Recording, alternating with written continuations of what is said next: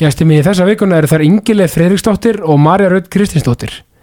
Þær eru gjössalega frábærar magnaðar og yndislegar og var ríkilega gaman að spjalla við þessi gullfallegu hjón. Marja og Ingileif, gjör svo vel.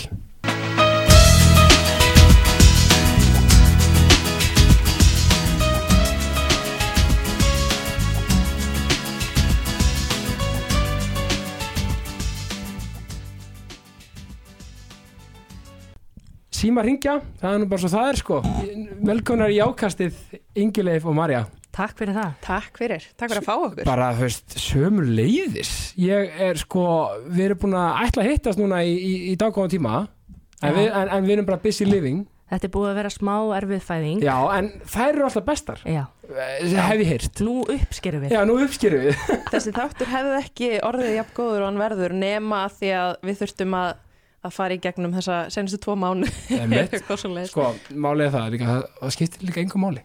Nei, Við erum bara hérna að breyða gleðinni, sko. Við áttum að vera einn í dag. Já, er þið áttu að vera hérna í dag. Ná, þetta var meant to be. þetta var meant to be, sko.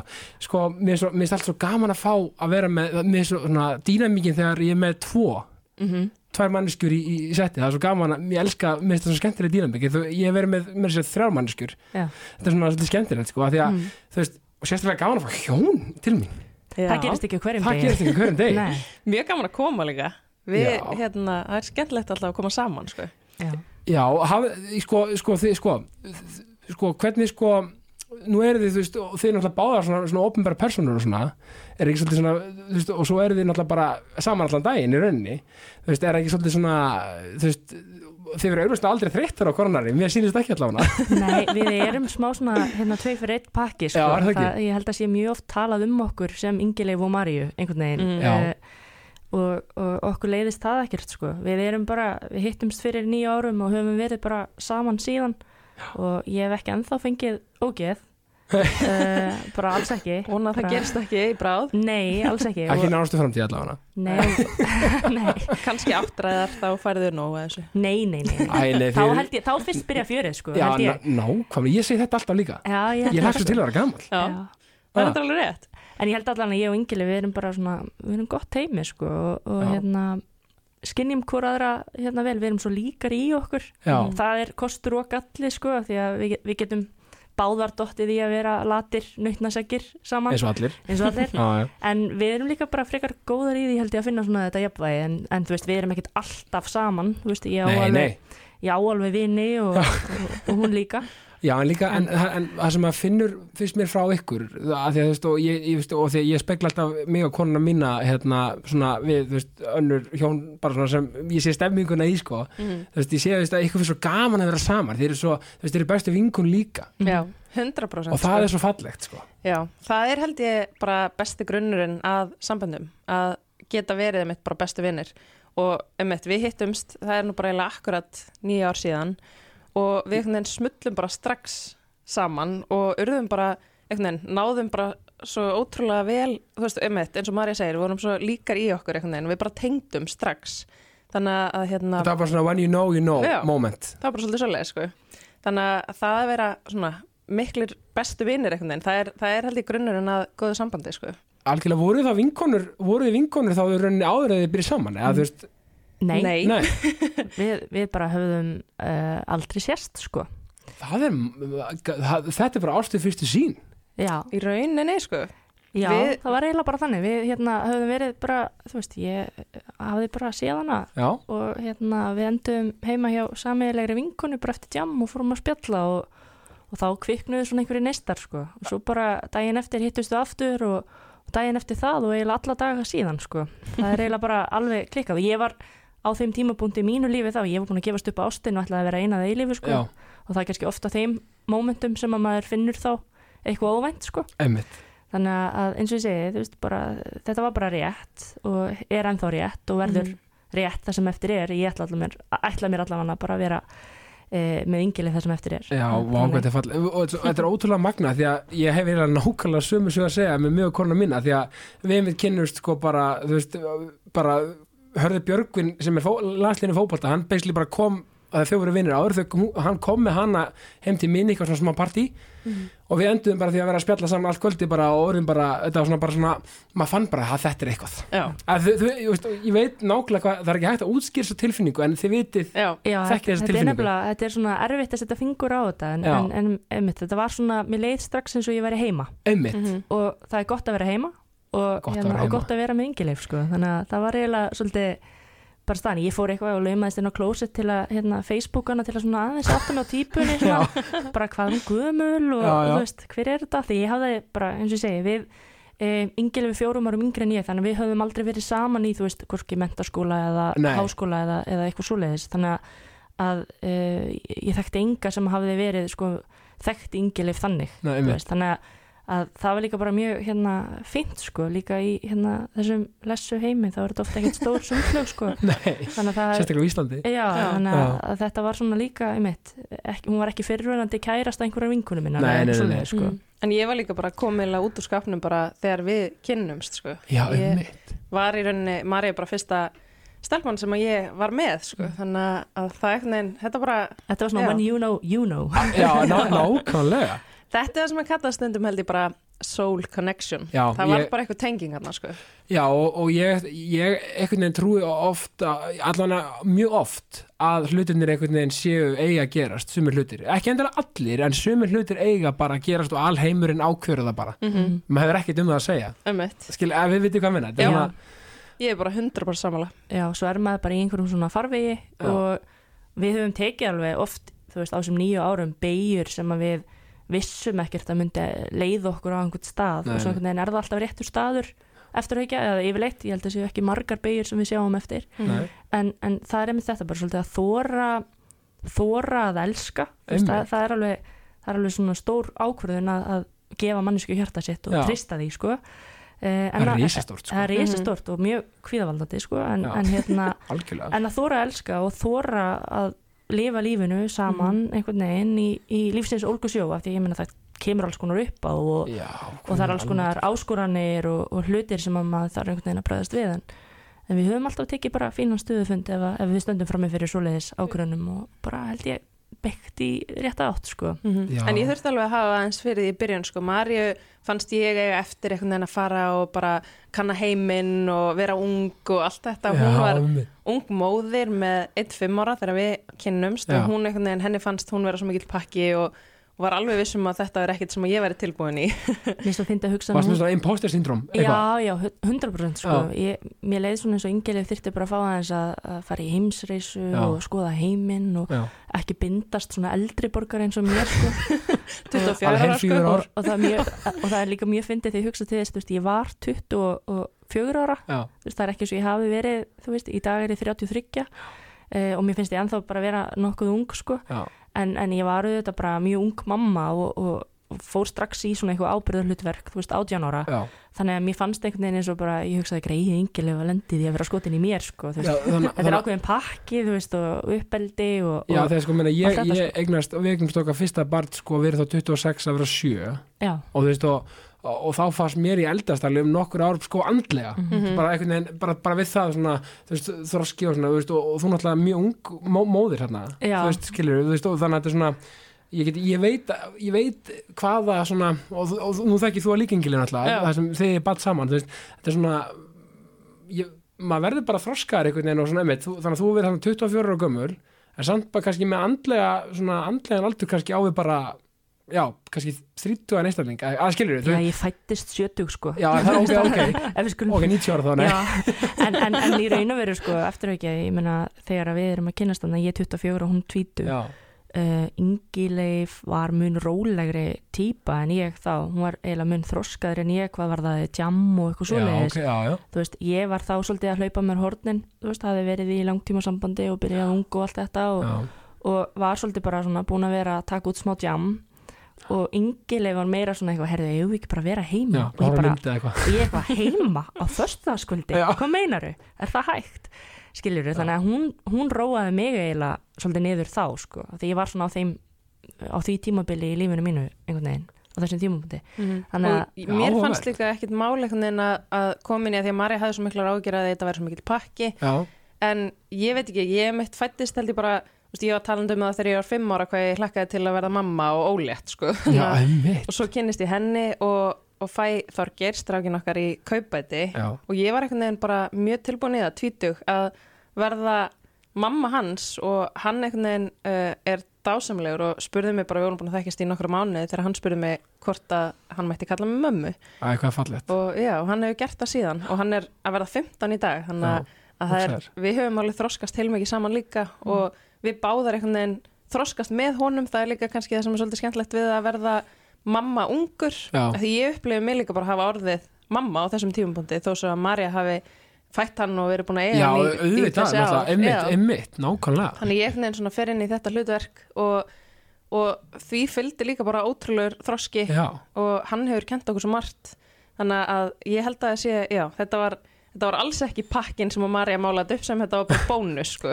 Já, þetta endaði á einhverjum fundi eftir, þú veist, tvo mánuð af deiti þar sem ég var svona alltaf að reyna að íta yngileg smá í burtu, sko, Já, því ég var bara, neða, þú ert ekki, þetta, er ekki málið, alltaf einhvern veginn hafa vitt fyrir henni, hún Já. endaði, ég man bara hvernig, bara veðri var úti, sko, hún bara eitthvað, Marja, þegiðu og leifðu mér bara að taka ákvarðanir fyrir sjálfum og ég bara, ok, og, og það var mjög erfitt fyrir mig einhvern veginn að bara sleppa takinu og treysta mm og, hérna, og það var eiginlega það moment sem að gera það að verkum að við vorum bara, ok, þá er þetta bara svona. Já, og hérna og talandi um yngileg sem mömmu, ég meina hún tekur að sér þetta hlutverk 20 ára gömul það eru 14 ára á milli þeirra sko. Já, Þú veist, það er ekkit brjálaður aldursmunur þannig. Nei, en hún er, hún hefur bara alltaf verið svo hlý og góð mamma, þorgeri stráknum okkar eldri að það er kannski hluti því okkur ég varð svona sjúklega ástfangin líka, er bara Já. hvernig manneskja hún var alltaf svo björt og jákvæð og, og svona opin og hlý að því líka, þú veist, mér finnst það svo merkilegt sko, að því að, að, því að sko, uh, þú veist, vera tvítugur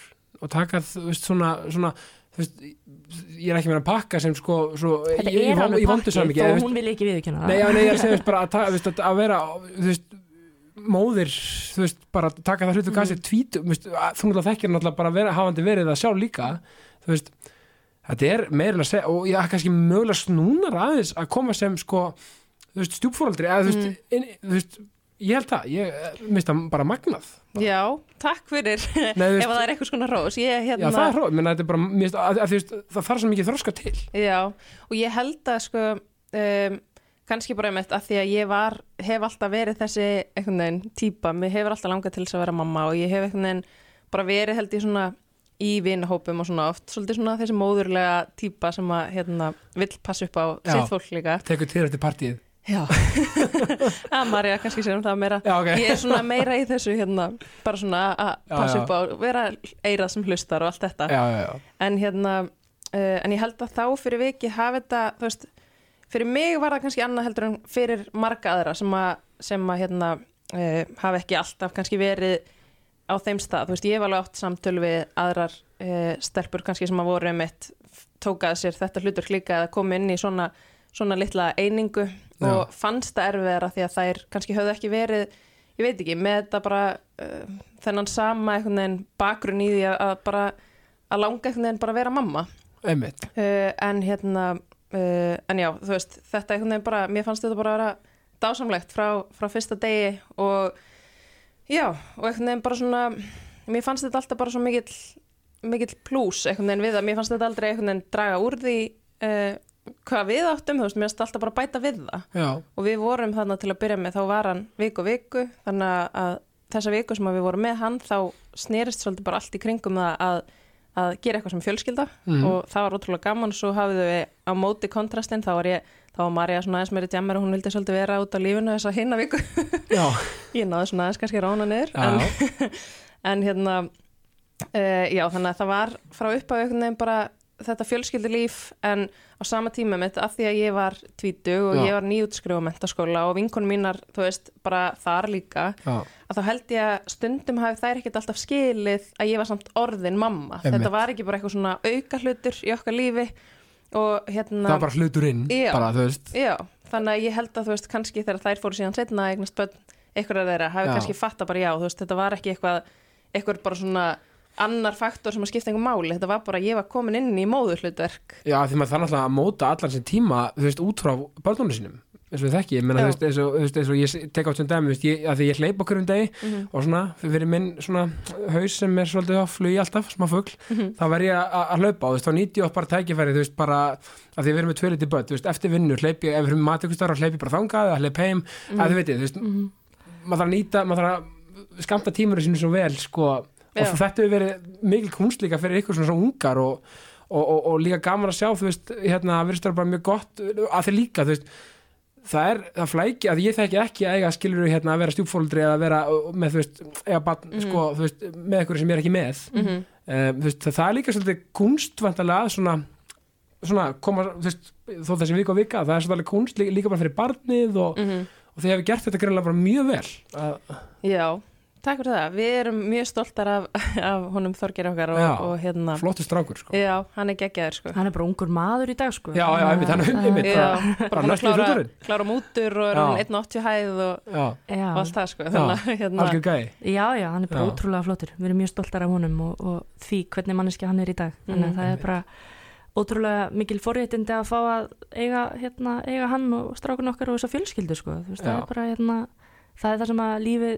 okkar snýst um sko. mhm, Einmitt, og mér finnst þið nefnilega að, að því að þið eru mjög svona greinlega fjölskyldu sinnaðar báðar mhm, þú veist, maður sér þið eru, þið eru mikið þú veist, með svona í kringum ykkar fjölskyldu eða svona, þú veist, Mm. skilur, hafa verið að fara út til þú veist, fólk að þinna og svona og, og allt þetta, verið að gera svona, þið eru svona fjölskyldu orienterar, þú Mhm. veist Já, ég var, ég var það ekki Nei, ég, þú varst bara, ekki ég neitt. var það ekki neitt sko, Nei. en Ingileif kendi mér það ok, að, að eiga fjölskyldu og, og treysta því einhvern veginn og ég kem svona úr svona aðeins kannski brotnari bakgrunn en, en Ingileif.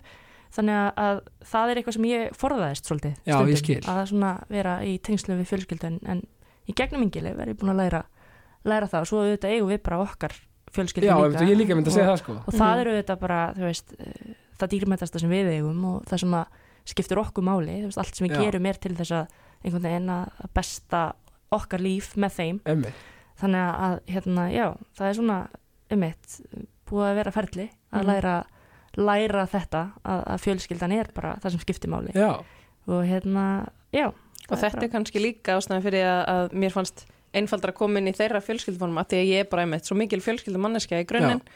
Og hérna og við einhvern veginn einmitt erum bara okkur finnst skemmtilegast í heimi að sitja bara og spila með, með mæðurum okkar og, og hérna mákonum og frængum og það er bara, veist, okkur þykir ótrúlega væntum fjölskyldu tíman, sko, þannig að það er bara ótrúlega dýrmætt og mikilvægt. Og við höfum líka bara, þú veist, eins og Marja sagði, hún var kannski ekki, ekki mesta fjölskyldumanniskan þegar við kynntumst. Nei, en svo einhvern veginn hefur líka bara verið svo gaman að sjá það þróast síðustu árin að hún hefur bara líka byggt upp svo falleg tengsl við sína fjölskyldu sem voru kannski aðeins brotnari Já. tengsl en, en hérna hefur náða byggja upp alveg ótrúlega fallega falleg sambönd þar sko. og þetta er líka partur því að vera hjón þú veist, ma maður maður, maður vegur hvort annað upp Mhm. þú veist, maður, þú veist, þú veist, menna, Rakel mín, hún vegum upp á svo mörg lit og ég hann að skilur, Mhm. þú veist, og þið, þú veist, þú veist, það- svona átt að vera mm Já, og ég held að það sé mjög mikilvægt, mér finnst svo sorglegt að sjá pör eða hjón þar sem að það er eitthvað svona afbrið sem í gangi annar aðilin einhvern veginn verist vilja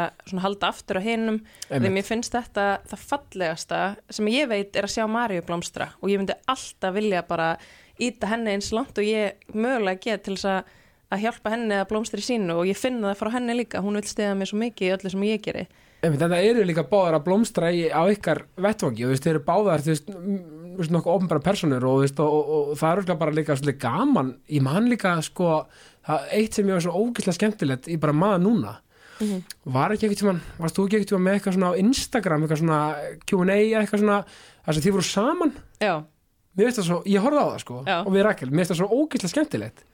Að því veist, oft, er, oft sem að svona kannski fólk sem eru ofnbært og, hinnaðalinni kannski ekki ofnbær mm. þú veist, þú veist hann, hann, kannski, hann kannski, að hún er kannski fyrir aftan eitthvað bara svona eitthvað eitthvað, lullast en það, þið voru alltaf saman og, og voru með húmór og voru að svara og um, veist, að gjör sannlega opnar skilur á ykkur og mér finnst það alveg frábært sko. Já, gaman að heyra. Við er erum, content, sko. við erum mjög samhældnar, sko. Ég held að það sé líka bara, hafi verið alltaf okkar líkill í, í öllu, þú veist, og erum líka bara tölum um allt og Já. hérna, og erum, já, ég held að ég geti alveg fullir það að við erum mjög samheldin hjón. Þannig að líka bara, okkur finnst gaman að vera í kringum hver aðra, sko. Þannig að það er, já. og það svo er, bara einmitt, hlæja saman hafa Já. húmor og gaman sko. það er eiginlega þú veist, það skemmtilegasta sem ég gerir er að þetta bara í gott hérna látuskast einmitt. yfir einhverju ruggli með, með engilegu sko. það er hérna, ég get alveg verið mjög hérna, mikill, hérna, svona ég tek lífin ekki dofa alvarlega sko. Nei, þannig að það er líka bara áheldur ekki að vera þannig. Þú veist, meina, við erum bara einhverja verur á okkur jörð sem, bara eitthvað, sem við veitum ekkert af hverju er til og við erum eitthvað, hér eitthvað, veist, njótu þess Já, við erum Mhm. bara eitthvað að veblast sko. við erum bara eitthvað að veblast hérna. Það sagði eitthvað, við erum bara prótin á þess að jörð. Þetta er, er svo magnað. Við erum bara Mm. kjötskur okkur sko. já, og þú veist, og, og, og ég bara en líkir orðið, samheldni, mér finnst það frábært orð. Mm. sko, hérna, svo náttúrulega Rökkvi fæðist 2019 mm og, og sko sko, hvað er þá, þannig að það er hvað, það er þá, hvað? Þrjú ár, já, nei, sko, á milli þeirra strákana 12 ár. 12 ára á milli, já, aðeins meir en þrjú ár. 12 ára á milli þeirra já. já hann er, Rökkvin er bara sam aldrei og, og hreimi minn 2019, sko, Akkurat. Akkurat þannig að þetta er skemmtilega Þetta er aldur. fyndin aldur. Þetta er hérna, Við erum í kasti alla daga sko. Hann er að verða svo sjálfstæður og, og, hérna, og bara indislegur sko. Já, já. En, En Þorgir náttúrulega hefur verið eins og bara þriðja fóreldrið á okkar heimili ég sko. bara tekið eftir því Mhm. mér finnst það geggja að sjá hann, hann er bara ótrúlega hérna, skilningsríkur og, og góður stóribróðir sko. og hérna það er heldur ekki sjálfgefið, sko Nei, Nei. alls ekki sko af því hann var þetta bara prinsinn í 12 ár Já, já. fekk bara allt rými í heiminum frá okkur já, og fær enn en við reynum bara svona að, að það er svona það sem er svona áskorun í þessu er að, að ef við vettum tvo strákar sem væri svona á svipuðum aldrei Já. þá, þá eru svona svipar kröfur um activities sko, veist, það er hérna að fara út á róló eða í fyrirferði eða eitthvað. En það er ekki alveg það sama með 15 ára og 30 ára sko, nei, það er svona þannig að við reynum bara svona að splitta svolítið tímanum og, og gerum hluti bara með Þorgeri og með Rökkva og, og oft saman líka sko, Já, já. og Þorgeri er mjög duglegur í því. Fór hann eitthvað í keilu saman? Það var nú eitthvað sem að þeir gætu báðir alveg Já. haft svolítið gaman að sko. Þetta er, og, og svo náttúrulega eftir því sem að Rökkvi eldist þá náttúrulega er svona, svona fjölbreyttari hlutir sem við, við gerum Einmitt, saman en, sko. en, en náttúrulega kosturum við aldursmunin eins og segir og, og þið segir, náttúrulega sá veist, að, það er hægt að, að svona, uh, gera einmitt svolítið bara hluti fyrir svona, sér og, og, fyrir Rökkva sér, mm Mhm. þetta er svona að, einmitt, kontrastar ekki á okkur svona þú Nei. ætlar að gera sama og, og, og hvað, rífast um eitthvað eða eitthvað. Þeir eru ekkert að rífa sem dótið sitt Ég sko, segi það, sko. og, hérna Ég, já, því að við erum í því sko. Já, dóttur okkar, sko. fjóra og strákurinn er þryggja þannig að það er smá svona, ef, ef hún er með þetta bara er penna eitthvað. og þetta er hans og eitthvað svona. Við til dæmis fórum í sumar saman hérna, til Englands. Já, og af því að Þorgir okkar er mikill tónlistamaður og hlustar bara á Queen og Elton John. Já, og við fórum bara með hann til Englands og hérna, fórum og sáum Queen og Elton John með honum. vá með tveggja daga, daga millibili það var alveg jafn gaman fyrir okkur og hann en það er eitthvað svona sem við gerðum bara veist, fyrir hann rökk við kom með til Englands og mamma mín var að passa á með hann Já, já, en þetta var svolítið ferðin hans Einmitt. Þorgeir, sko. þannig að þetta er, við hefum til dæmis ekki tekið kannski rökk og með á þessa tónleika. Nei. þannig að þú veist, Nei, þetta nei, er svona dæmi um hluti sem eru ekki kannski samrýmanlegir á milli þeirra Nei, sko. nei, einmitt. Að þú veist það er bara sama hvað núna það er bara ef, ef þú veist reymur með penna þá veit hrapt til að fá hann. Mm, eða einmitt. að þið veit, þetta er svona og svo líka svo, svo áhugavert sko að sjá sko maður tekur svo mikið eftir sko þú veist, að að veist og þetta er áhugaverð við að vera með sko bæði kína svo gaman að sjá svona veist, veist hann, hann veit alltaf gera það sama hún og, og, og hún veit alltaf gera það sama hann þar að segja sko ef hún er með kannski eitthvað svona eitthvað að því að hún, ég leifir ofta að hérna mála mig og henni finnst svo gaman að svona klippa mig og svona Mhm. þá er ekki hann að gera það líka og svo hann að gera eitthvað svona sem er svona samfélagslega kannski stráka lekt en að gera mm. Mhm. gera, þá gerir hún það líka mér finnst það svo gaman að sjá hvað þau eru svona þú veist, bara, þú veist, ég elska börn líka það er ekki að pæla eitthvað svona, nei, þetta er svona stelpulhutur eða þetta er stráka, þau veit, þau bara börn eru fordómalaus Þau- gera þau læra fordómana af umhverjunu okkur sko. nákvæmlega, en sko. þau fæðist ekkert með þessu fordóma sko. Þetta er allt bara Mhm. lært þannig að, að það er það sem við höfum til dæmis verið að reyna líka að gera með bara okkar svona verkefnum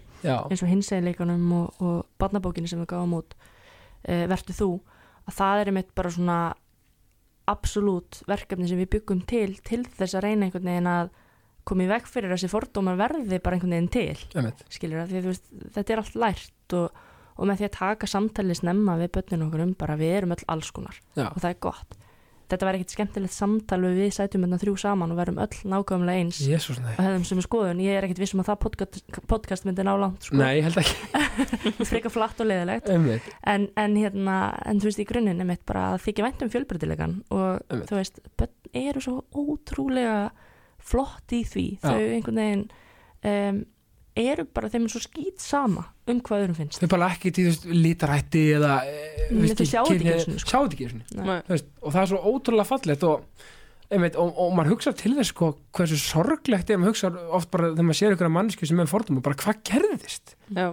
þú veist, hvað, þú veist, bara í alvörinni að því að síðan líka sér maður, þú veist, við séum líka mun á, til dæmis bara núna er rökkuð okkar yngri í leikskóla. Já, og hann er bara, já, já, tvær mömmur og allir krakkandi bara, já, snild, bara engin að pæli neinu. einmitt. En svo til dæmis sáum við það mjög skýrt með Þorgir okkar, þegar Já. hann byrjaði grunnskóla og svo bara því eldri sem hann varði í grunnskóla, þá var þetta bara, þú veist, krakkum bara þótt að skríti, þau voru bara með fordóma. Já, og þá sér maður, ok, þarna er eitthvað, eitthvað umhverfi búið að móta einstakling inn í það að hafa þessar skoðanir og Einmitt. þessar fordóma og því miður er þetta bara, þú veist, hefur verið bara átakanlegt að fylgjast með bara því eldri sem hann verður inn í skólakerfinu því meiri verða fordómanir já, því að líka sko, sko börn náttúrulega fá bara, eru bara ekki það fá oft ekki nóg mikla vitundavakningu og bara fæðslu mm. svo þá verða oft börn, að sérst úlingar oft geta verið svo óbúðslega grimmir sko. Mhm. algjörlega og, og við veist, bara höfum séð það mjög skýrt sko já, að því að maður sér þetta. Með litlu þau eru bara, þú veist, þau eru ekki einhvern veginn, þau, þau sjá þetta ekki. Nei. En svo fer, svo fer umhverfið að senda þér skilabóð og Einmitt. svo fer það að sjá eitthvað á TikTok eða, eða eitthvað neikvæð umræð eitthvað eða heima, þú veist, maður veit ekki. Það fordómandinn geta komið frá ýmsum stöðum. Algjörlega, maður mótast náttúrulega fjölskyldu og samfélagi svolítið. Já, þannig að, hérna, að þá oft verður þetta til því miður og það er svona bara okkar stærsta markmið í lífinu að reyna að vinda ofan af þessu að því að okkur finnst ótrúlega sárt að einhver börn að núti, bæði okkar og líka bara öll önnur börn sem eru einhvers konar regnbúa börn, hvort sem að þau eru sjálf hinsegin eða eiga hinsegin fjölskyldur eða hvað, að þau þurfu einhvern veginn að vera að upplifa þetta í kringum aðra krakka, okkur finnst það bara það brýtur í okkur af því að eðlilega. að því að krakkar í dag eru orðinni svo ógisla flottir að koma út úr skápnum snemma. Þú veist, við vorum báðar tvítugar þegar við komum út úr skápnum uh, við einhvern veginn fórum í gegnum alla grunn og veist, pakkaðar inn í, í skápin að því bara þá á þeim tíma þú veist, og maður talar þess að sé bara fyrir mörgum árum að því þetta hljóma þannig, bara mjög, bara mjög mörgum árum bara áratugum áratugum, já, já, en það var bara mögulega ekki endilega rými Nei, og, og okkur þægind að gera þetta. Þetta var og, og bara þeir eru bara, bara verið samt svona ungar bara þvílít hugrekkar að, að taka þetta skref já þetta, var, þetta var alls ekki auðvelt skref sko. Nei, eðlilega ekki eitthvað sem að það er alveg ástæði fyrir að við komum út tvítugar en ekki 12 ára þó svo að það hefði alveg geta verið raunin en við, maður vissi þetta inn í sér að það, það var eitthvað eitthvað sem að, maður þurfti já, að, að hérna þú veist, að, þú veist, ég vissi það bara frá, frá því ég var pínulítil en, en Einmitt. maður einhvern veginn fann samt ekki vettvangin fyrir það og það var líka bara, þú veist, svo verða bara til innri fordómar þegar þú heyrir bara fordóma út undan þér og það er bara einhvern veginn hausinn fyrir að segja bara, nei, þetta getur nú ekki verið nú skaltu bara, hérna, þú ert bara eftir að reyna þú veist, þú, ert bara eftir að finna rétta, rétta strákin Já, sko. þannig að það kviknar þá þú veist, og ég spyr að því að, því ég, að því ég sjálfur gaggi Mhm, niður mhm. þú veist, að það kviknar það svona þú veist, ma maður fer kannski að bæla, reyna, reyna að bæla það. Já, já, bara allar efasemda rattirnar Já, mæta já. bara á sæðið og hérna Em- reyna bara að- að bæla þetta niður eins og hægt er sko. já, en þess vegna sér maður í dag er við að sjá krakka koma út úr skapnum bara 10-12 ára.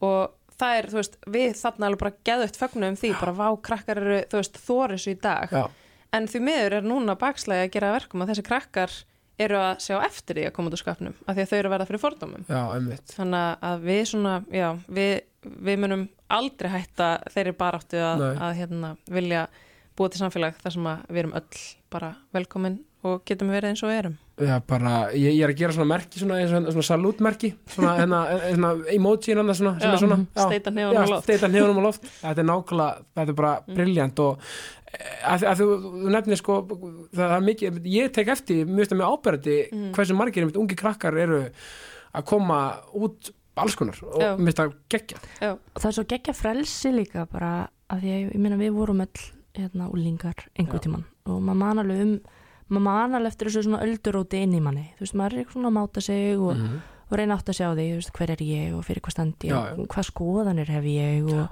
og hérna, hvernig típa vil ég vera og þú veist, erfitt að fylgja ekki tískustraumunum og allt þetta einmitt eh, að við séum sko að komast á þann stað að það sé pláss í samfélaginu okkar fyrir fjölbreytilegan bara alltaf. Einmitt. Það er svo dýrmætt og það er svona sko finnst mér svo sorglegt að sjá núna mitt eins og yngilega verið að tala um svona þessa umræðu um þú veist að sé verið að gelta að ungu fólki. Já, það er verið að hóta þeim þú veist alls konar ljótum hlutum. Það er bara mjög ljótt einelt í gangi gagvart krökkum sem eru svo ótrúlega hugrökk já, að þóra 12-13 ára að standa út úr norminu og segja, herru, ég er svona einmitt, og ég hef þessa skoðun og tilfinningarna mínar eru svona. Einmitt. það er svo ótrúlega hugrægt að gera þetta að því að ég hafi ekki kjarkin í þetta veist, ég var 20 ára og ég var hólpin, ég var flutt í Reykjavíkur ég bjóð út á landi og hafði bara ekki þóra fyrir mitt, mitt litla leiti að segja hver Nei. ég var fyrir en ég var komin inn í aðeins stærra mengi. Já, en þetta er svo mikið hugræk í staðin fyrir að, að klappa fyrir þeim og bara þykja vænt um þetta að þá eru þau púið niður.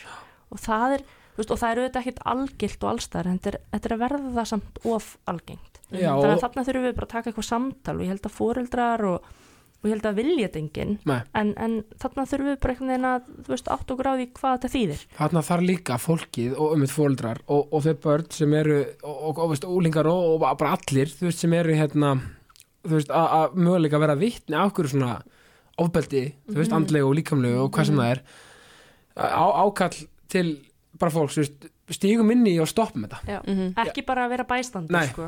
bara í alvegni, bara gerum eitthvað í því við sem ekki, þú veist, og Mm. koma svo kannski á samfélagsmiðla og, og, og tauti yfir því, skilur, gerum eitthvað algjörlega það algjörlega er gott líka að vera með samfélagsmiðla vitundavakningu og allt þetta Mhm.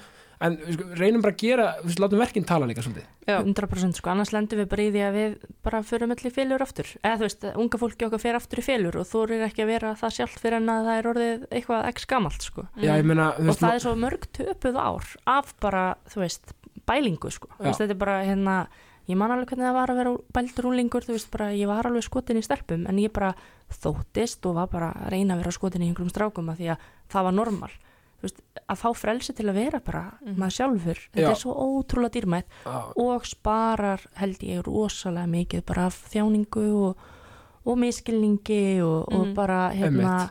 og bara alls konar, ég held að græða allir á því að, að hérna, við fáum bara að vera í friði sko. já, bara whatever floats your boat sko. algjörlega og líka hvetjum aðeins fóldra mér finnst það sko mikilvægt sko reynum, tölum við bönnum okkar bara svona á bara, á bara mannlegum einlægum og bara hjartnæmum nótum og reynum bara svona þú veist að fá að, að því að ef ykkur er að strögla með e eitthvað og, þú veist hérna hvort sem það er þú veist bara, bara hvað sem það er bara eitthvað mm -hmm. vandamál eða, eða þú veist, þú eru ekki komin til skapnum með hvað sem það er. Þú veist bara búum til grund til þess að við getum tala saman og þá bara opnað á það. Já. og tökum því fagnandi saman hvað það er. Að því maður veit aldrei hvað fólk er að hérna, kljóst við sko. Maður veit aldrei hvað býr innra með fólki. Einmitt, og þegar maður er að tala mjög hátt þú veist, í vinahóknum uh, niður til einhvers, hvort sem Mhm. það eru til minnilutahópa eða skoðan eða annara já, þú veist, þú, þú veist ekkert alveg hvort þú sért að meiða með þessu sko. nei, nei, og það að- er alveg eitthvað sem að ég held að við báðar höfum alveg fundið á einn skinni, ég man bara eftir ákveðnum mómentum, bara bæði grunn og mentaskóla þar sem að vera að tala um hins einn fólk eða tala um lesbíur á ákveðin hátt og Já. þetta bara, þú veist, það bara ringdi viður hann og bjallaði hausnum á mér, bara ú, ef að það tala svona um, um fólk eins og mig þá mun ég aldrei koma til skapnum sko. nei, þannig að það líka emmitt, þetta snýst alveg um að líka um það að hérna, passa hvernig maður talar og oft líka er þetta eitthvað sem er í gangi á þess að fóreldrarnir viti það við, það kom nú bara upp dæmi um daginn þar sem að, að hérna, kom mjög alvarlegt mál sem að við þurftum aðeins að stíga inn í Já. og ég átti samtal þar við móður uh, drengs sem að hafi bara farið mjög ljótum orðum um ungan hinsegin einstakling og hérna hvart hann bara til þess að taka sitt eigi líf og Úff, þetta já. var bara mjög mjög ljótt og mamman bara hafði ekki hugmynd, hún bara, þetta kom henni svo í opna skjöldu að því Já. hún sagði bara, guðmund góður, ég hérna, þú veist bara, vissi ekki að þetta var eiga sér stað en þá gætt hún tekið samtalið og þú veist, og, og sem betur fer var hægt að bregðast við þessu og við ákveðum einmitt bara þannig að láta verkinn tala og bara fara frekar Nákvæmlega. og tala við fólk heldur en að heldur en einhvern veginn bara svona láta þetta vera einmitt og þú veist, auðvitað getur þetta gerst allstaðar að börnin er að segja eitthvað eða gera eitthvað sem maður veit ekki af þú veist, að því að, að, því að við sjáum þau heima hjá, hjá okkur og hérna, en svo bara eiga þau annað líf í skóla og, og vinnahópum já, þannig að ég held að það sé bara ótrúlega mikilvægt fyrir alla fóreldra að uh, hafa það í huga, bara taka reglulega samtöl. Einmitt. Og við erum alveg líka með þetta um það samt að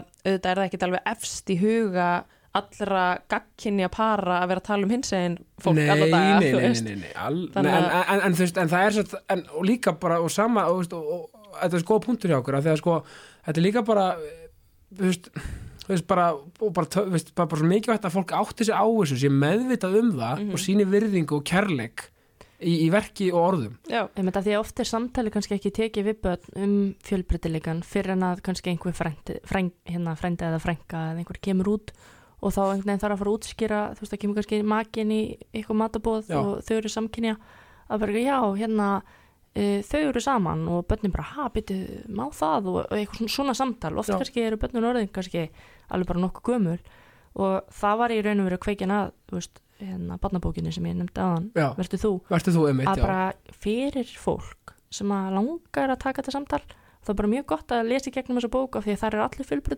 einmitt, og það býr til bara svona tækifæri til að taka samtöl um, án þess að þessi þvingað skilur, Mhm. án þess að þessi út af einhverju heldur bara, herðu, hérna uh, við búum ekki svartkvítum heimi Nei. hann er litríkur, Já. sem betur fer já, sem Mhm. betur fer og hérna, og það þýðir bara þú veist, ákveðið hérna ákveðin skilningur á mennskunni þú veist, ákveðin skilningur á því að við erum ólík og það er bara, það er ekki neikvætt, það er bara Mhm. mjög gott einmitt líka bara gott fyrir fóldra að aðeins að bara að svona að endur, hvað maður segja, endurmenta sig eða bara svona, mhm. svona áttu að það ég elska nefnilega þegar fólk sko sem fólk spyr og vill vita Mhm. að því að eðlilega kannski viti ekki allir allt um allt skilji ég, ég, kann svo, ég ber svo mikla virðingu fyrir þegar fólk vill bara læra og þú veist, bara vill læra um öll kynin og vill læra um Mhm. allt, þú veist, mér finnst það svo flott og Akkurat að þau fordóma byggjast á fáfræði Já. og þeir koma ekkert alltaf frá einhverjum sko illkvittnum stað Nei. þar sem að fólk ætlar sér að vera fordóma ummitt ég finn oft fyrir alls konar fordómum og þá bara spyr ég sjálfum mig bara heyrðu, hérna, mm, af hverju líður mér af hverju finnst mér þetta eitthvað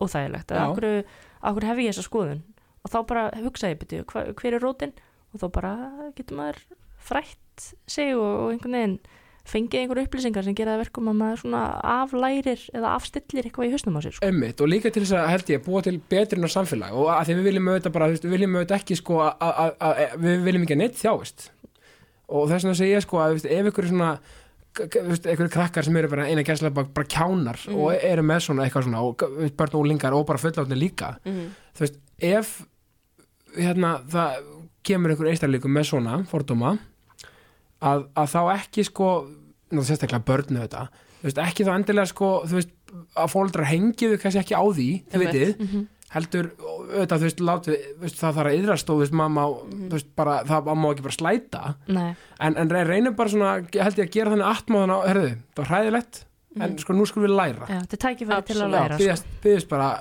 yðrunar og fyrirgefningar Já. og, og, og hérna og, og, og tökum þá slægin með mm innan gæslega minnlötu hópunum sem þú varst að, Já, að nýðast á eða eitthvað svo leiðist Algjörlega.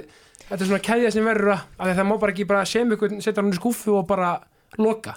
Algjörlega, því að síðan kemur oft í ljós að, að viðkomandi aðilar ná kannski bara sjúklega vel saman og geta bara orðið góði vinnir eða, eða hérna, þú veist, geta náð betur saman heldur en viðkomandi heldur út frá okkur um einum hluta einstaklingsin sem, að, sem er síðan bara partur af mannskjunu eins og bara einhverjum finnst gaman í fótbolta og öðrum ekki Einmitt. og þá er það bara eitt partur aðeir en það skilgur henni ekki sem einstakling og, og hérna, Einmitt. þú getur alveg átt vini sem að hafa ólík áhugamál rétt eins og þú getur átt vini sem að eru með aðrar kynneðir eða Vituna- kynvitund vitundir Vitundir, vitundir, já. vá hvað það vita Þetta um samvinna.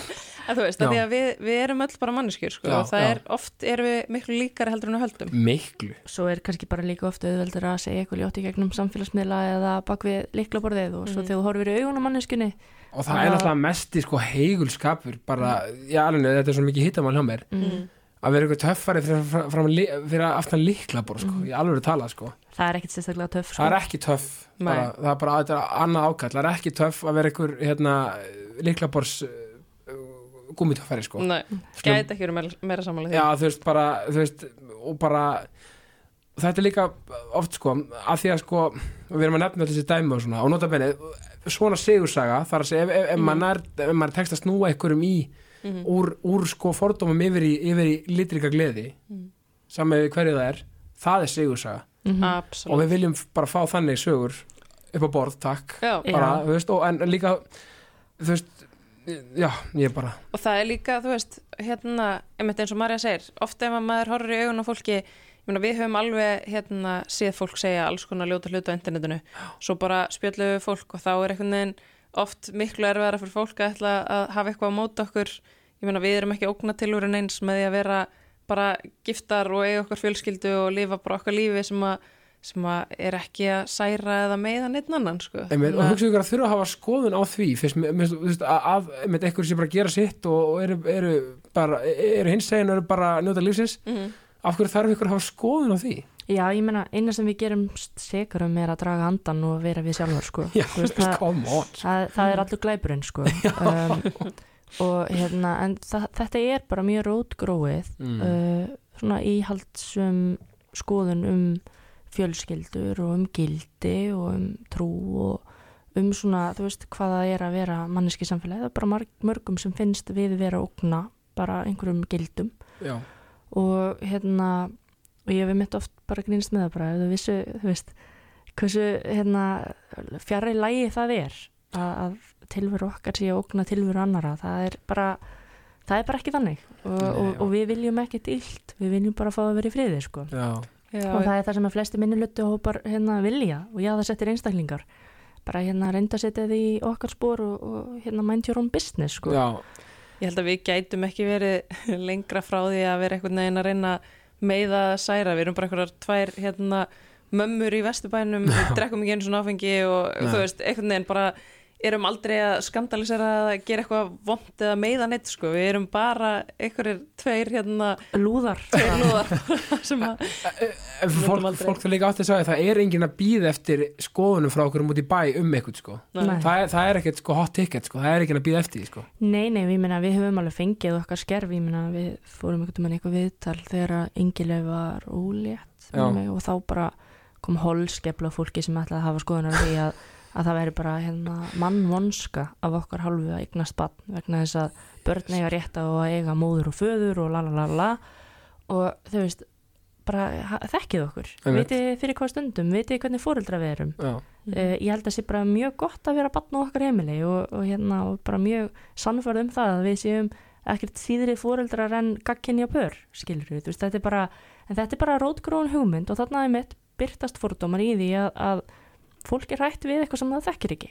Og þetta er, er svona einhvern veginn ný mynd og önnur mynd og, og hérna og eitthvað. Og þú veist, það, það, þetta særði okkur alveg Mm, mjög mikið að eðlilega. heyra svona því að ef það er eitthvað sem í, er, er í kvikunni hjá manni þá er það fóreldra hlutverkið já, og ef það er eitthvað sem að maður sko er viðkvæmastur fyrir að það sé gaggrínt eða efast um heilindi gaggvart eða eitthvað, þá er það þetta hlutverk. Já, það er allan á við ég sammála því. Mig já, og bara ekki efast um heilindi mín gaggvart bönnunum mínum. Einmitt.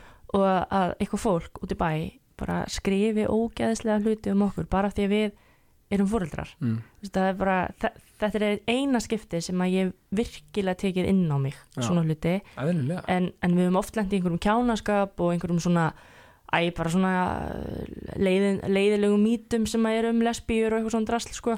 það er bara einhvern, einhvern veginn kjánaskapur en þetta snýst um fjölskyldan okkar og okkar heilindi þá, þetta er í, já, þetta er fyrsta skipti sem ég bara las eitthvað og ég fór bara að gráta. Þú veist, það, það er bara svona ég gati ekki annað, að því Nei. ég var svo varnalösi bara hvernig, hvernig er hægt að halda eitthvað svona um okkur? Að það sé bara sjálfhverfa af okkur eigna spönn, maður bara, nei Mér það er finnst ekki þannig Mér finnst líka all- alltaf, svo- alltaf ja, myndislega að fyndi þegar fólk er að koma með hinn algilda sannleik já, Mm. innan gæsalaba mm af því að það er náttúrulega fyrir, fyrir að fyrsta engin algildur sannleikur um eitt niður neitt. Veist, við, eins og aftur, við vitum ekki neitt veist, við erum bara einhverja veru hérna skilur við hvað er algildur sannleikur? Og, þú veist, er fólk í alveg að taka það út frá okkur um svona gömlum samfélagslegum normum það sem mjög mikið var bælt niður og, og, og fólk bara þú veist, bara, já, bara faldir hluti og þú veist, bara mjög, mjög eitrað og vond væp já, já, ég líka bara hugtök þú veist, þetta er allt mannana verk. Já. við byggum til öll hugtök sem við notum í tungumbrunum okkar á einhverjum tímapunkti með þess að verða- vísindi líka. Og vísindin. Þú veist, og, og hérna hugtaki gagkinnið til dæmis finnst fyrst bara í orðabók einhverju þískri orðabók 1800 og eitthvað. Mm fyrir þann tíma var þessi skilgrinning ekki til. Nei. og þá lifiði fólk bara án þessara skilgrinninga fattir, fattir þú veist, þannig að við lifum alltaf bara í þeim sannleik sem við búum við hverju sinni. Já. Og út frá þeirri sögu sem við þekkjum. Já, já, og hún er sem betur fyrir alltaf að breytast og Já. þekkingin okkar breytist og, og við vitum sem betur fyrir betur núna en við gerðum fyrir 50 árum. Einmitt. En við þurfum að standa vörðum um, hérna, um þetta núna af því við Algjörlega. finnum teiknalofti það er svona meira hattur og hattursklæpir og vera að eðilegja hluti og, og og bara meða fólk þú veist, og, og hérna eins og í Núregi bara, bara reyðverk sko. Einmitt. þannig að, að, að þá reynir á okkur fólkið í þessu samfélagi sem að langar til þess að standa verðum svona samfélag af því að samfélagið okkar er gott.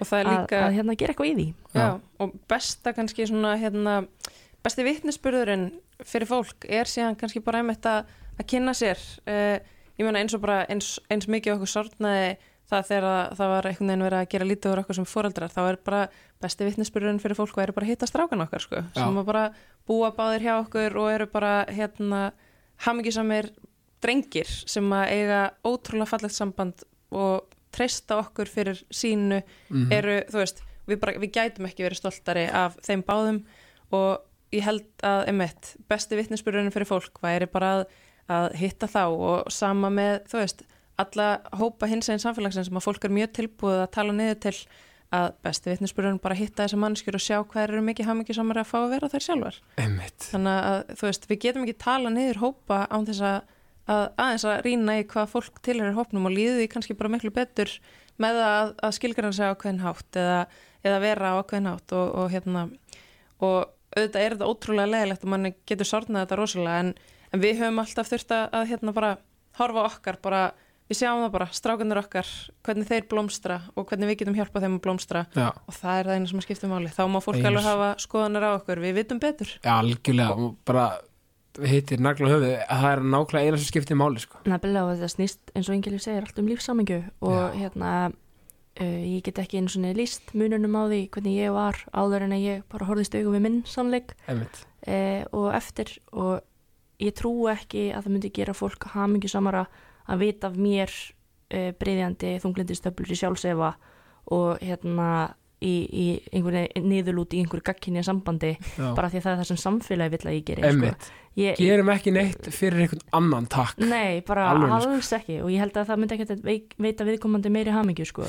Þetta eru bara krattur Já, og, og, hérna, og við þurfum bara að halda áfram og, og það hefur verið svona megin tilgangurinn hjá okkur yngilif, þú veist, af hverju við erum við ofinberar, af hverju sínum við frá okkar lífi, af hverju erum við ófeimnar við að vera við sjálfar jú, það er vegna þess að við við áttum ekki svona fyrirmyndir Nei. þegar við vorum að hérna, alast upp og það gerði það verkum að við vorum lengi að horfast í hug við okkur Já. og þú veist, þetta er alveg ákverðin sem við tókum á sínum tíma, bara herðu, hérna við vorum að fá skilabóð frá ungu fólki sem sögðu bara, herðu, það er svo gott að sjá einhvern lifa bara venjulegu lífi sem Já. að bara síni frá þú veist, hérna, uppskriftinu sem hún var að elda og hérna, ég síðan bara að horfa á Netflix eða eitthvað, skilur Einmitt, þetta er ekkert eitthvað starra en það, þú veist, við erum bara manneski sem að öndum að okkur sama súrefni og erum bara til. Um, þannig að, að það hefur auðvitað, þú veist, það er svona á, ákvörunin að vera ekki félum og svo líka, þú veist, að stopna hins einleikan og þú veist, Já. vera einhvern veginn svona vókal gagvart þessum málum. Þetta er fyrst og fremst til þess að bara búa til fleiri fyrirmyndir. Hins einleikin er ekkert annað en fjölda framleiðsla á fyrirmyndum. Er bara, við erum búin að vera með mörg hundru einstaklinga sem hafa sínt frá veist, sínum veruleika. Já. og hann endurspeglar ekkert okkar veruleika. Við erum ekki hins einleikin, ég og Ingileif heldur þú veist, allt fólki sem hefur verið þar. Einmitt. þannig að það er eitthvað sem að hérna, uh, við erum ótrúlega bara stoltar af að hafa gert á sínum tíma. Þó svo að hins einleikin komi svolítið og fari núna en, en hann, svona, hann er alltaf. Og Hann er alltaf. já, og hann, er, hann stendur fyrir sínu og, og þetta orð hins einleikin er bara orðið svona nútíma orð um uh, hins eigin veruleika fólks þetta Einmitt. er eitthvað sem að bara veist, við byggum til eða var, var það konsepti sem við gerðum að einhverju Ég líti á þetta bara sem svona róttaka reyfingu sko. já, ok, Mér finnst það bara, þú veist, mér finnst það bara hérna, að því þetta og það að hafa svona fyrirmyndir eins og ykkur þú veist, það, það gerir, veit, ég veit það bara mikið fyrir fólk sem er að ströggla við eitthvað og svona, mm. rauninni bara sama hvað það er Já, en það mikilvæg er að það er síðan komið svo margar aðra fyrirmyndir Já. líka, veist, og, og sem að aðri tengja við á annan hátt og, og kannski komið fyrst fram á hins einleikanum Já, og þá er einhver sem að hefur uh, kannski skilgrinni sig á sama hátt, veist, finnur einhverja transmannisku og er bara, herðu, þetta er mín fyrirmynd, og það er eitthvað sem að, hérna, skiptir svo miklu máli að geta spegla sig í öðru fólki, við gerum þetta í íþróttunum. Já, ég meina, maður æfir fótbolta og maður lítur upp til hérna, hérna Ronaldo eða hérna, minn, sko minn, mín fyrirmynd þegar ég var hérna í fótbolta Já. lítil, þá sko Ronaldo eldri já, sko, brass, brasslýsing ekki, ekki Cristiano ég hef aldrei hérna verið á Nei, þeim báti sko, en, en þú veist eitthvað svona, þú veist, þú lítur upp til einhvers, þú ert í sundi og það Já. er bara hérna einhver sundmaður sem þú lítur upp til þú veist, eða hvað sem það er, þú veist, þú ert að reyna að afreika eitthvað, þú ert með einhvern sem að ruddi brautina. Einmitt, og hérna, og við eigum okkar síðan hins eginn fyrirmyndi líka sem að við þó höfðum, en þær hefðum átt vera fleiri, einmitt. þannig að veist, þetta er bara veist, mennskan sko. Algjörlega, mér finnst líka svo gaman að sjá sko, það er komin svo sterkar fyrirmyndir líka í einhvern veginn öllu, sko, það er líka komin þú veist, í þú veist, í hvenna íþróttunum bara sérstaklega sterkar fyrirmyndi þú veist, að nú er ég stelpu sjálfur skilur sem, sem, sem, sem langar að byrja að fótbolta. Mm og það er svo gaman að við eigum þú veist, svona típur eins og Söru og þú veist, Elnumettu og þú veist, allt þetta skilur, Akkurat, veist. því ég tek dæmið mitt um Ronaldo því ég átti ekki, þú veist, jú, ég viss um Olgu Ferseth, hún var alveg geggjuð sko Já, en, en fattur þú veist, það var Einmitt. ekki, kvennaboltin var ekki þú veist, ég æfði alltaf bara bolta með strákunum sko. einmitt, þess vegna var að segja þetta mm. að því að mér er svo góða punktur í það, af því að, að þetta er nefnilega að breytast rosalega í dag sko. sem er svo ótrúlega dýrmætt að sjá Já. þær bara á HM og EM og þú veist, þessum, þú veist, eins og hérna í, á leiknum bara hérna um daginn þú veist, bara að rústa einhverju liði, Mhm. skiluru þetta er bara, þetta er svo ótrúlega dýrmætt Og fyrir ungar stelpur. Já, þar sem að kvennaboltin hefur átt í, undir högg að segja bara uh, allt og lengi. Og bara fyrir alla í öllum íþróttum eða Já, já. starfsgreinum eða hvað sem það er. Þú, veist, það, þú ert kannski í nýsköpun og þú lítur upp til, til hérna einhvers sem að rutti brautina þar. Þú veist, þetta er bara, við gerum þetta, við speglum okkur í öðru fólki. Einmitt, og svo erum við vonandi líka að því við erum að tala um íþróttir og hinsenleika, mér finnst það svo áhugavert að því að í, eins og í karla fótbolta Mhm. ef við tökum bara ennska bolta sem dæmi sem er svona stærsta, stærsta dildin pre Premier League, þú veist. Nú eru 22 lið nei, fyrir ekki 20 lið með 25 pluss mínus leikmenn í hverju, hverju liði. Það er, það er engin officially samkynneður Nei. í deildinni? Nei. Æ, held, ég, nei, það er engin það er engin sko. Það er engin og hvað, hva, maður hugsa, hvað þú veist, ég veit ekki hvað meðaltalið er sem eitthvað svona búið að fara var ekki, hvað var einn af hverjum tíu eða var það ekki er, er, er, er, hvernig, er, er komið eitthvað nýtt? Jú, það er að minnstakosti einn af hverjum tíu. Já, það hafa meiri segja svona svona rannsóknum. rannsóknir verið að sína hugsanlega tveir af hverjum tíu já, sem ekki skilgjana svo eitthvað nátt hins einn þannig að þessi tölfræði stendst ekki alveg sko. nei, ekki, og, en hugsa hvað verið stert líka bara fyrir bara, bara hins eginn fólk líka ef ykkur er svona af þessum svona karl, þú veist, hérna macho gaurum, Mhm. kem bara út bara hei, ég bara Já, ég er samkynnaður, Já, það bara- gerðist í Nýjasjálandi í fyrra þá kom fyrsti ofinberi atvinnumadurinn sem er ennþá spilandi. Já, sem kom út í fyrra hann að 2021. Josh heit hann ekki? Jú, eitthvað svo Josh Carvalho held ég. Já, ég ætlaði að munna hvað hann heitir, ég bara næði ekki. já, hann, hann, heiti, hann heiti Josh Carvalho I held. Já, ég held að það sé rétt hann er mjög ofnbæra á Twitter og svona líka og- mjög, og svo komin umræða, sko, þú veist það er að fara að vera hérna hvað HM í Katar og það er Mhm. náttúrulega bara ekkert sérstaklega opið samfélag, gagvart það er, honum nei, það, mannréttindi er ekki upp á tíu þar ekki alveg og, og hann Já. hefur alveg listi, hann er bara mjög óörugur þú veist, að fara inn í þessar aðstæður að spila, Mhm. þú veist, er hann undir einhverju ógn eða verður honum hreinlega ekki lift að spila þú veist, og eitthvað svona Mhm. og en það er svo ótrúlega dýrmætt að vera komið með þannan eina af því að, veist, þá kannski er einhver sem spekla sig í honum já, sem að getur þá kannski tekið skrefið og eftir því sem að margfældisáhrifin eru, meiri einmitt. þeim mun sko normalíseraðara er þetta. Um, en þú veist, hinga til höfðu bara einhverju tveir eða þrýr komið út sko eftir að þeir eru búinir að ljúka já að sko. þeir höndluðu ekki sko hérna, hérna fordómar sem myndu mögulega vera á vellinum og, Já, og veist og maður skilur það það er náttúrulega bara ákveðin svona rótgrón líka bara búningsklefa menning og sko. alls konar skilur sem að hérna, sem er vonandi að batna í dag já ég hef haft á kenningu að mjög margir svona ungir hérna hins egin einstaklingar flostnir hreinlega bara upp úr hérna íþróttunum mm. Bara áður en þeir koma út í atvinnumennsku sko, sem geti þá líka skýrt eitthvað því að þú bara höndlar ekki að vera þarna nei, nei, sko. nei, nei. og það er alveg eitthvað sem að hérna, hefur oft sést líka bara meiri sér bara í sko, skólaíþróttum í grunnskóla að hins einn einstaklingar upplega sér bara ekki öruga að fara inn í búningsklefa eða þú veist, verða bara fyrir miklu áreiti og, og einelti fyrir, fyrir unga homma veist, þetta, er- þetta er ekkert grín sko. nei, þetta er Þannig- grín kannski eru einhverjir einstaklingar að núti sem að bara hreinlega treystu sér ekki til þess að halda áfram lengra inn í, inn í þetta allt saman og væru kannski stórkuslegi fótboltmenn í dag en, já, já, en bara lögðu ekki þetta því að þarna er rosalega mikil svona karlmennsku með þessi Mhm. hérna maskulin orka og stemming í gangi sem en ég að var að býður sjá, ekki ég alveg var að upp á. frábæra fréttir. Mér sá held ég að ISI og, og KSI og eitthvað voru að skrifa undir samning fyrir samtökin um hins egin fræðslu sko, geggja sem er bara, þú veist, það er það sem við þurfum bara Mhm. að opna fyrir fyrir þetta, því að eins og Ingilif segir, kannski erum við búin að missa af bara okkar framtíðar hérna leikmanni sem bara Já. meika ekki fleiri æfingar sko. algjörlega Mhm. og bara skilja bá til allra sem eru að núti veist bara uh, sko, ég veit að það er ógislega erfitt og, og, og bara, og örgulega mikið sem, sem er bara, veist, bara maður er búin að búa til dómar í sjálfum sér og maður er, að- maður er með alls konar mental blocks í kringum þetta en, en, en þú veist, tökum skrefið, þú veist, kom, kom út sama hvað kyn hvað kyn eða hvað sem það er, bara kom út, veist, verum, verum hörök, þorum, við erum bara við sjálf. verum við sjálf, tölum um það og, og, og hérna og, og sko og fyrir þá sem eru, eru hérna á hliðlinni, tökum, gerum þetta í verki ekki orði, mm jú líka orði allt í lagi, en þú veist, gerum eitthvað í því ef við sjáum fordóma, reynum að uppræta þá og fræða fólk, Guð, í guðana bænum. Algjörlega. Og það hefur, emitt uh, með allt að gera, ekki bara emitt hins einn leika heldur líka bara þú veist, ef að við höfum eitthvað skoðanir sem er á skjön við það sem að hérna, bergmálsellurinn okkar segir eða ef að við viljum klæða okkur á okkur nákvæðin hátt Já. eða ef að við viljum, þú veist, stund ykkur áhuga mál sem að ykkur öðrum í kringum okkur finnast skrítin gerum það bara Já. og búum líka til rými fyrir aðra til þess að gera það af því að Já. þetta á við um allt, þetta á ekki bara við um hins einn fólk, þetta bara á við um allt Já.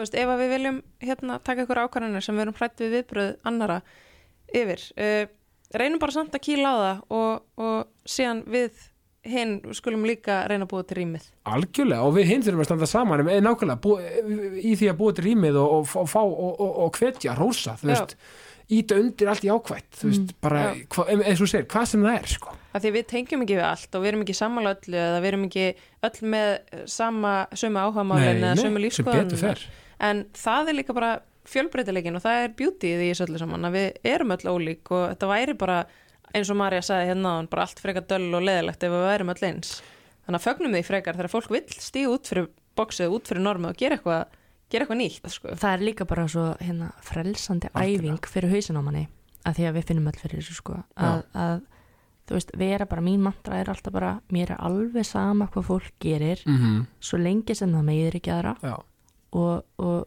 er innan laga ramans, skilur við því ég bara svona, þú veist ég bara, hérna, mér er í alvörunni svo sama og það er svo fínt bara svona leiðaljós já, sammála. Að losa sig undan þessum hlekkjum að vera neykslast á fólki og, og alveg einsoginu yfir því að þessi hafi tekið þessa ákvörðun og þau viti alveg hvernig þetta er. Mm og það er oft eins og við séum bara uppi skroppa um bara umræðaefni af því að við förum svo oft að tala bara um fólk og, og slúður um fólk og tala ljótt til fólks.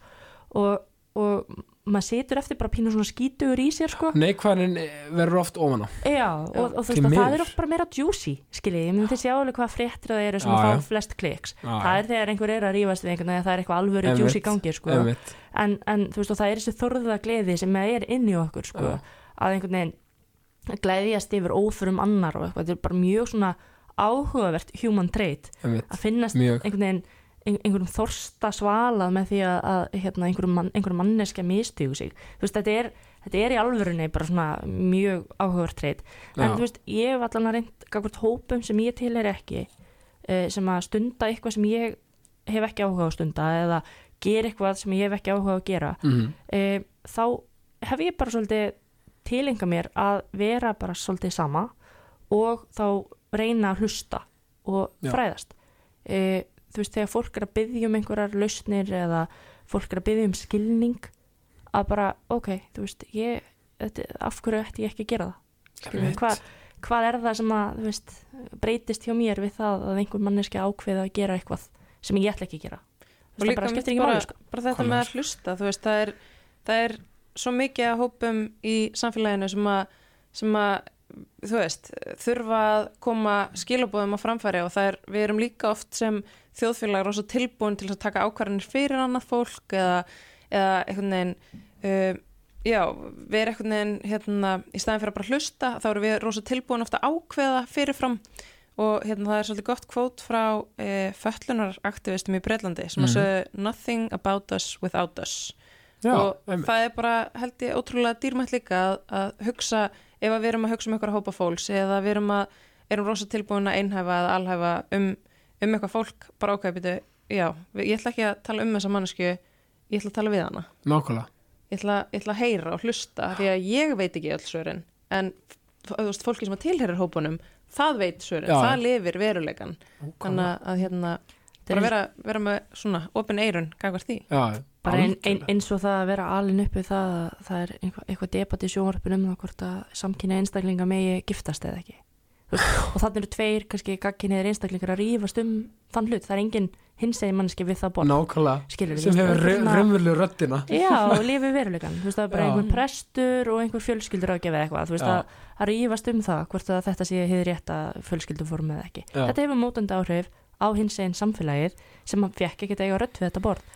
Og það, það er alveg að sama bara með hérna, fallafólk eða, eða bara hérna, jaðarsetta hópa. Já, e, þú veist, það er ofta ekki tala við fólki, það er bara að tala um það sko. hafa allir lausninar en, en, en, en einmitt fara ekki bara í rótina að tala einmitt við, við manneskinu sem er að díla við hlutin Já, þetta er alveg ótrúlega rétt og þetta er ókslega næs leksía og ég, ég, það er ekkert Já. langt sen ég tók til í höstum mínum þessu, bara eitthvað af því ég var að hafa einhverja skoðun og þykjast vita eitthvað og svo var ég bara eitthvað, ég veit ekkert um þetta einmitt, ég er ekki, ég lifi ekki enn að veruleika Nei. hvað er ég að debata? Já, þetta er góða punktur, hvetjum bara fólk til þess að taka svona naflaskoðun sko, Já, Mhm. bara, á skoðun sínar hvað hef Já. ég efna á að tala um og hvað hef ég ekki efna á um Einmitt. nákvæmlega, vá hvað þetta er sko, ég er bara, hérna bara aðeins svona rétt í lokin sko, um bara það sem þið er að gera akkurat núna Mhm.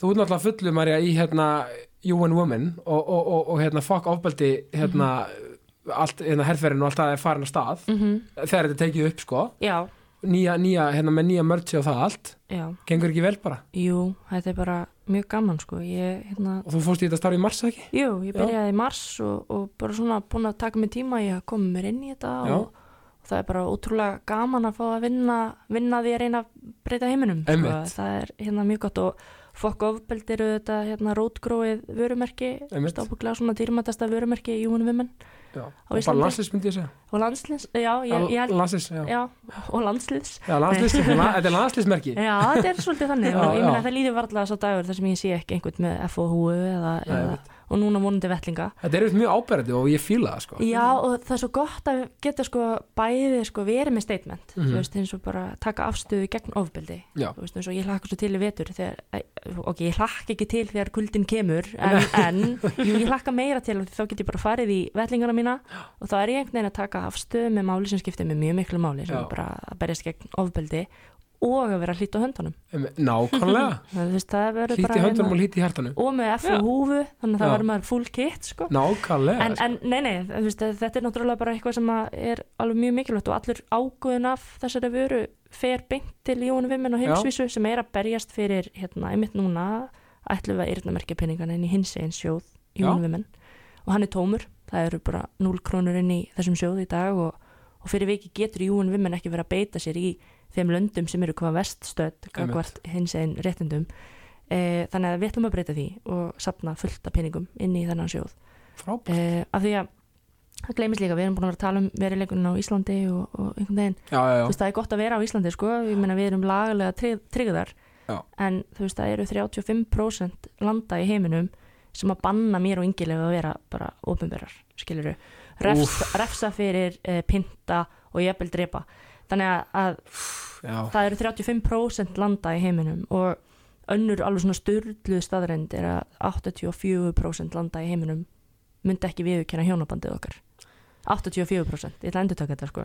Þannig já. að það er verk að vinna fyrir Jónu Vimmen á heimsvísu að reyna að breyta þessu. Ég ætla bara að segja heimi batnandi fer uh, og þið eru partur af stórpartur af þeirri vegferð og Já, vonandi, ég ætla bara að hvetja alla til að, til að styrkja þetta alvegni takk. Það bara- er hérna win-win, hlít á höndum og, og hlít í hjarta. Já, spurning, bara frá, frábært sko. Mhm. og engileg, þú ert bara þú ert að hérna bara listakiðja? Já, bara, bara í, í sjómasarmislu og alls konar? Já, ég er hérna emitt, búin að vera á fullu í sjónvarsþáttaframlislu, emitt bæði hérna fyrir sín Já, og, og erum svo líka að búin að gera þetta fyrir sjónvarp símans og erum bara búin að að framlega mikið af, af skemmtilega efni við hjá Ketchup, mm Creative sem sagt. Já. og hérna og núna bara á já, næstu vikunum, mánuðanum þá hérna er ég með að gefa út seríu 2 af afbreyði sem eru þættir sem ég fyrsta serían kom út í fyrra og það hefur verið ótrúlega skemmtilegt að vinna að þeim. Geggja, þó það er einmitt mjög skemmtilegir og, og svona og fræðandi þættir. Já, gaman að heyra. Það er, virkilega flott. Já, það er hérna búið að vera ótrúlega skemmtilegt að kynnast líka bara og það er svolítið hérna, þetta er svolítið svona allt á, á sömu nótum og til dæmis eins og hins egin leikin, þetta er bara uh, þannig eru hópar samfélagsins ekki, eh, sem að falla ekki endilega undir hins egin reglífuna, heldur Nei. bara uh, falla undir reglífuna fjölbreytileikin og hérna Emmitt, sem hafa bara alls konar áhugamál og er að lifa alls konar lífstílum og, og það er ótrúlega, mér þykir ótrúlega vendum að, að fá skiknast inn í líf alls konar fólks þannig að, að hérna, þetta tónar allt, allt saman sko. er, það er engin tilvílun að, að ég er að gera sjónvast þetta um fjölbreytileikan ég er bara, þetta er eins og við höfum komið inn á hérna, þetta er okkar hjartansmál að, að fá að búa til rými í okkar samfélagi fyrir bara alla til að vera nákvæmlega eins og þeir eru. Að, og svo er alls konar auðvitað í gangi, við erum líka framlega raunurleika þætti og, og hvaðina en, hérna, en ég er mjög spennt fyrir, fyrir þessu, þetta er svona mitt, mitt baby. Já, þetta er, bara, þetta er bara æði og, og hérna sko ég var bara ég sé bara til hamingi með ykkur. Þið eru algjörðu snillíkar ég, ég hérna, sem leiðis takk fyrir það því að sko, ég kem alltaf með loki sko kvartning út, út í daginn fyrir hlustendur en, en, en þið eru búnar að því sko. Já, bara allir þáttur allir þátturinn er svolítið svona já, að Típist við. Þannig að ég segi bara eins og alltaf að lokin, bara takk kjalla fyrir mig ást og friður, Yes, sumu leiðis ástafriður beint í þín tilbaka takk fyrir